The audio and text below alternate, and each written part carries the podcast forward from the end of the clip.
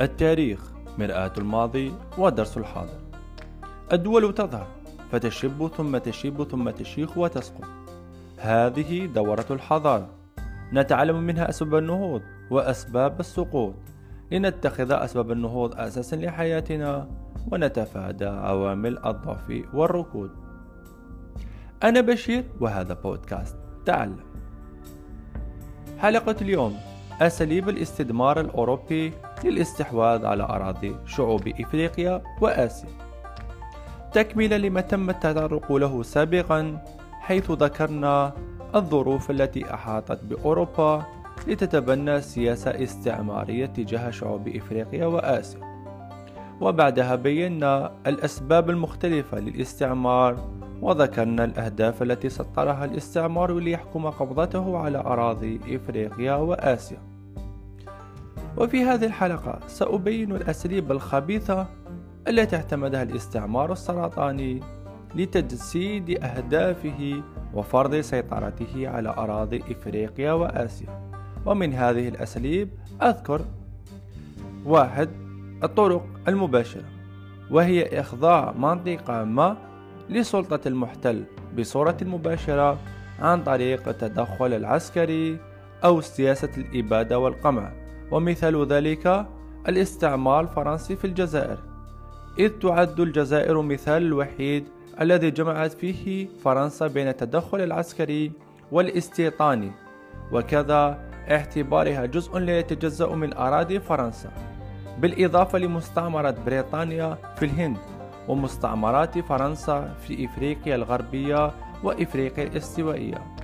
ومن قبل قد اعتمد الإسبان نفس الأسلوب بل أكثر مع أراضي أمريكا الوسطى والجنوبية المكسيك وأمريكا الجنوبية من قمع وإبادة ونشر الأمراض حتى يبيدوا السكان الأصليين وهم الهنود الحمر. الطريقة الأخرى وهي الطرق الغير مباشرة وهي الأساليب الخبيثة قد تعتبر الموضة السياسية الجديدة للقرن العشرين. فقد اعتمدت كل من فرنسا وبريطانيا وهم اللذان سيأتيان للعالم بأسلوب سياسي جديد أكثر مكرا وأكثر سفكا من أساليب الاستعمار التقليدي لإسبانيا وهولندا التي كانت تستعملهما. فقد جاءت فرنسا وبريطانيا بأساليب أكثر خبثا تظهر المودة وتبطن العداوة. وهي ثلاثة طرق. لدينا أولا الحماية. التي سادت قبل الحرب العالمية الأولى وتعمل آلية هذه السياسة على أن تحتفظ الدول المستعمرة بنظام الحكم. مثل الأسرة الحسينية الأسرة الحسينية وكان حاكمها محلي في تونس أو الأسرة العلوية التي لا زالت في وقتنا الحالي في مراكش المغرب الأقصى. مع تفويض صلاحياته معذرة مع تقويض صلاحياته وتفويضها إلى وزارة خارجية المستعمر أي فرنسا لأن فرنسا هي التي كانت تفرض الحماية على تونس كما تفرض الحماية على مراكش. والطريقة الأخرى التي ظهرت بعد الحرب العالمية الأولى وهي سياسة الانتداب. تعمل على نفس آلية الحماية إلا أنها لا تحتفظ بنظام حكم دولة المستعمر أو المستعمرة. لكن هذه المرة سيأتي الانتداب تحت شرعية عالمية جديدة تعرف بعصبة الأمم. وقد طبقت أخبث نوع من الانتداب وهو الانتداب البريطاني على أراضي فلسطين. وآخر نوع من هذه الأساليب نذكر الوصاية وهو أسلوب ظهر بعد الحرب العالمية الثانية. مشابه لما سبقه من الأساليب. وهذه المرة تحت شرعية عالمية جديدة للنظام العالمي الجديد عرفت بهيئة الأمم المتحدة وهذا النظام لا زال يعمل به إلى وقتنا الحالي. أي أن أمريكا ستكون بطريقة غير مباشرة هي التي تفرض السلطة الأبوية المزيفة على الدول المغلوبة على أمرها ومن أمثلة ذلك نذكر ليبيا والصومال.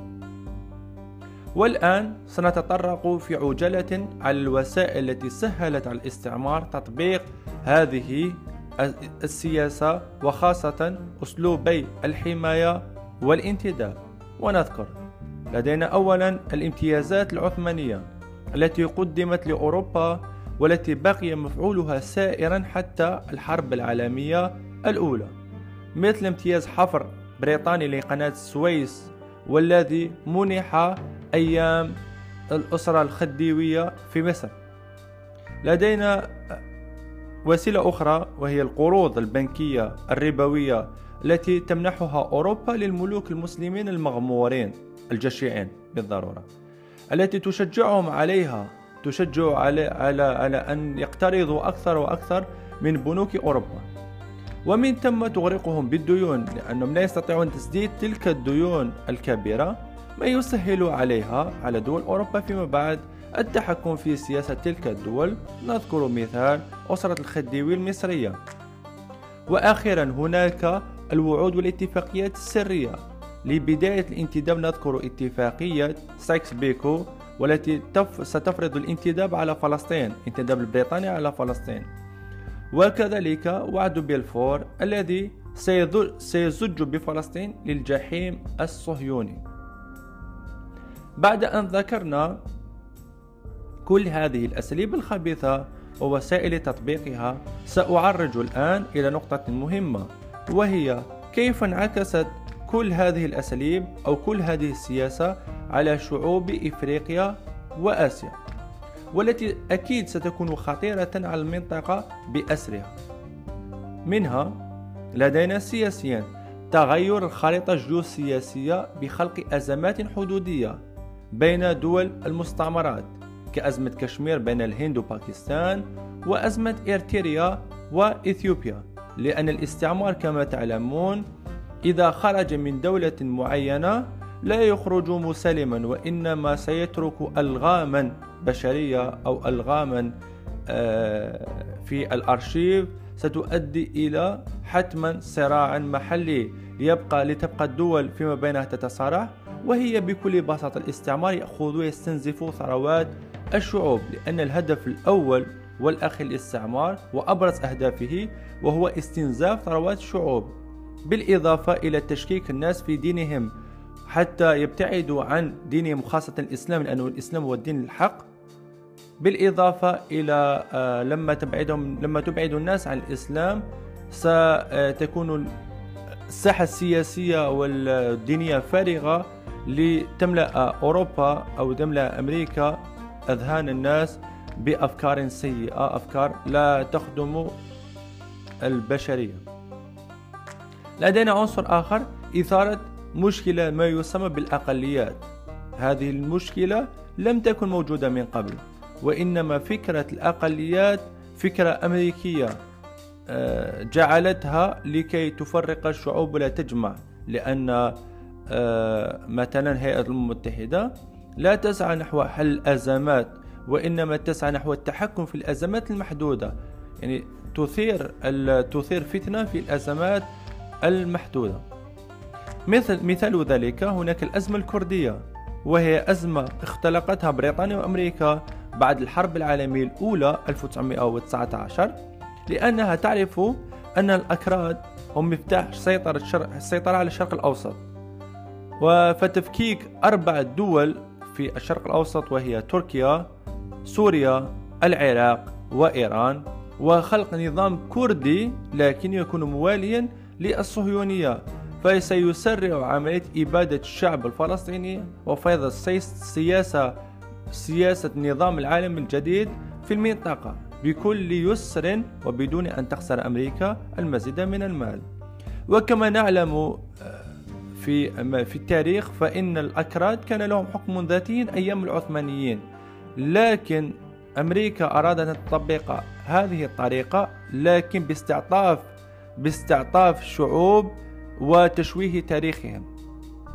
لدينا أيضا أزمة دارفور لتفكيك السودان أزمة دارفور التي لها انعكاس في واقعنا الحالي والصراع الموجود داخل السودان ما سيحتم إلى تفكيك لا قدر الله تفكيك السودان وهي ما تريدها أمريكا. لدينا أيضا إنشاء حركة صهيونية عنصرية في فلسطين لتهويدها تهويد فلسطين. وبذلك فرض اللجوء على الفلسطينيين وتهديم القدس. وعوض أن تكون هناك القدس يكون هناك ما يسمى بالهيكل. فكل هذه الخطط تريد أن آه، تقوم بها الحركة الصهيونية وتريد أن تشوه تاريخ المنطقة بأسرها لأن هي ليست لها تاريخ. فلذلك من له تاريخ تريد أن تشوه تاريخه. لدينا أيضا اقتصاديا في الجانب الاقتصادي كما قلنا من قبل استيلاء على ثروات المستعمرات ومنه كبح تطور اقتصادها أي كبح تطور المستعمرات كما فعلت فرنسا مثلا في الجزائر وفي إفريقيا وكما فعلت بريطانيا مع الهند ودول أخرى.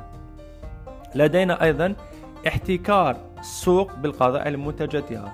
تحتكر أوروبا سوق أو الاستعمار بشكل عام ليس أوروبا فقط وإنما كذلك أمريكا. تحتكر سوق المستعمرات وتقضي على المنتوجات المحلية. لدينا أيضا وشيء هو الشيء المهم وأبرز شيء وهو التبعية الاقتصادية. تريد أوروبا والاستعمار أن يفرض تبعيات اقتصادية على المستعمرات وهي سياسة إمبريالية محضة. لدينا الجانب الأخير وهو اجتماعيا. أول شيء إضعاف معنوية شعوب المستعمرات بالتمييز العنصري.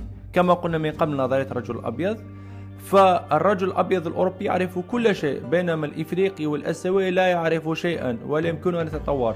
وسيرسخون هذه الفكرة في أذهاننا للأسف. لكن لابد من تغيير ذهنية الناس حتى يستطيعوا أن يتطوروا ويبتكروا. لدينا أيضا ظهور عملاء للاستعمار وهم كثر و... و... ولا يمكن حصرهم.